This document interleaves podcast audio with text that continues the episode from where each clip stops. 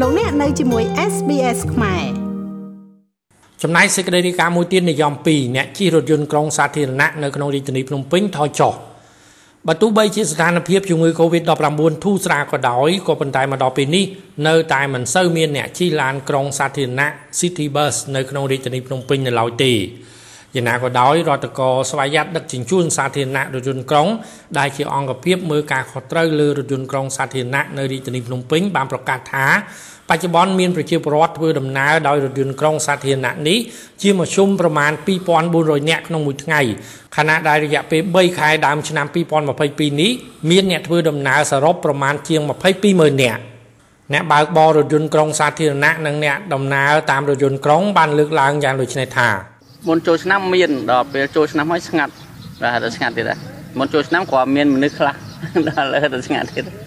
ជួនកាលអត់ទៀងក្មួយកាល2នាក់3នាក់ មួយជើងបាទមានអ្នកបងលុយអញ្ចឹងទៅ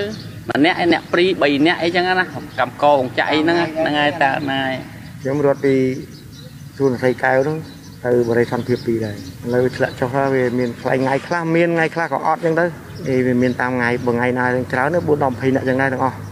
តែបើថ្ងៃអត់អត់ហ្មងណាវាអញ្ចឹងទៅក្រោយកូវីដមកដូចយ៉ាប់ដែរនឹងយ៉ាងម៉េចបានគេអត់សូវជី បាទមានមានធានការរបស់សុខាបាលមានទាំងអស់តាំងពីរបាំងតាំងពីកម្លៀតតាំងពីអកលអីណាម៉ៃទាំងអស់តែគេអត់ជីវាខុសប្លែកច្រើនណាខុសប្លែកតាំងពីកូវីដមកមុនកូវីដច្រើនណាមួយខ្សែមួយខ្សែមួយឡានរាប់50នាក់អីណាទៅមកតែឥឡូវទេទៅមកនឹង4 10នាក់អីហ្នឹងបាទខ្ញុំសម្រេចចិត្តថាខ្ញុំជិះឡានក្រុងមានសមត្ថភាពជាងផាសស្អាតជាងម៉ូតូដុបអូន ខ្ញុំទៅដល់វត្តសភាខួនចិត្តចំចៅ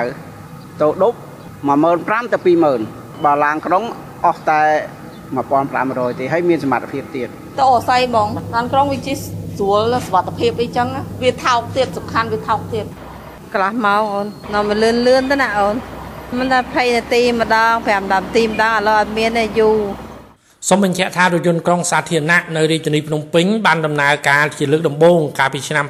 2001ក៏ប៉ុន្តែបានប្រមាណថ្ងៃក្រោយមកក៏បានបិទលែងដំណើរការទៅវិញដោយសារតែมันមានអ្នកជិះរហូតដល់ថ្ងៃទី5ខែកុម្ភៈឆ្នាំ2014សាលារាជធានីភ្នំពេញសហការជាមួយអង្គការចៃការជប៉ុនបានបើកដំណើរការរថយន្តក្រុងសាធារណៈនៅរាជធានីភ្នំពេញឡើងវិញ។ នៅពេលបើកដំណើរការជាលើកទី2នៅដើមខែកុម្ភៈឆ្នាំ2014សេវារថយន្តក្រុងសាធារណៈបានទទួលការស្វាគមន៍ពីប្រជាពលរដ្ឋហើយអ្នកធ្វើដំណើរតាមរថយន្តក្រុងជិះម្ដងថ្លៃត្រឹមតែម្នាក់1500រៀលហើយលើកលែងដោយមិនគិតថ្លៃសេវាចំពោះព្រះសង្ឃចាស់ជរាកុមារកម្ពស់ក្រោម1ម៉ែត្រសិស្សនិស្សិតកម្មករកម្មការិនីកីឡាករកីឡាការិនី និងគ្រូបង្រៀន នៅមុន COVID-19 ឆ្លងរាលដាលគឺត្រឹមឆ្នាំ2019សេវាដឹកជញ្ជូនអ្នកដំណើរតាមរថយន្តក្រុងសាធារណៈនៅភ្នំពេញបានពង្រីកខ្សែរថជាបន្តបន្ទាប់រហូតដល់13ខ្សែគឺរថខ្វាត់ខ្វែងពេញរាជធានីភ្នំពេញរហូតដល់ខេត្តកណ្ដាលដែលនៅជាប់ព្រំប្រទល់នឹងរាជធានីភ្នំពេញរថយន្តក្រុងសាធារណៈជាង100គ្រឿងបានបើកដំណើរការដែលទទួលជាជំនួយពីប្រទេសជប៉ុននិងប្រទេសចិនសម្រាប់ដំណើរការដឹកជញ្ជូនអ្នកដំណើរនៅភ្នំពេញ ក៏ប៉ុន្តែការដឹកជញ្ជូនសាធារណៈតាមរថយន្តក្រុងនិងកាណូតនៅភ្នំពេញបានផ្អាកដំណើរការទាំងស្រុងនៅពេលផ្ទុះករណីឆ្លង COVID-19 នៅកម្ពុជាចាប់តាំងពីដើមឆ្នាំ2020ការផ្អាកដំណើរការនេះដើម្បីទប់ស្កាត់ការឆ្លងរាលដាលជំងឺ COVID-19 រហូតដល់ថ្ងៃទី2ខែវិច្ឆិកាឆ្នាំ2021រថយន្តក្រុងសាធារណៈនិងកណូតដឹកអ្នកដំណើរព្រែកភ្នៅទៅតាខ្មៅខេត្តកណ្ដាលបានបើកដំណើរការឡើងវិញក្នុងពេលដែលរាជរដ្ឋាភិបាលសម្រេចបើកប្រទេសពេញលេញឡើងវិញប៉ុន្តែឡានក្រុងរត់តែ5ខ្សែប៉ុណ្ណោះរហូតដល់សប្តាហ៍ថ្ងៃ។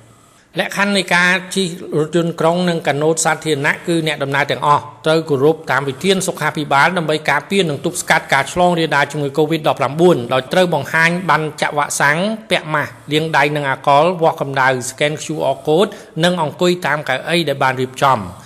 ឡានក្រុងនីមួយៗក៏រៀបចំបិទបាំងថង់ផ្លាស្ទិករវាងអ្នកបើកបរនិងអ្នកដំណើរដើម្បីទប់ស្កាត់និងការពារកុំឲ្យឆ្លង COVID-19 ផងដែរ ខ្ញុំម៉េងផល្លា SBS ខ្មែររាយការណ៍ពីរាជធានីភ្នំពេញចង់ស្ដាប់រឿងក្រៅបែបនេះបន្ថែមទៀតទេ ស្ដាប់នៅលើ Apple Podcast Google Podcast Spotify ឬកម្មវិធីដទៃទៀតដែលលោកអ្នកមាន។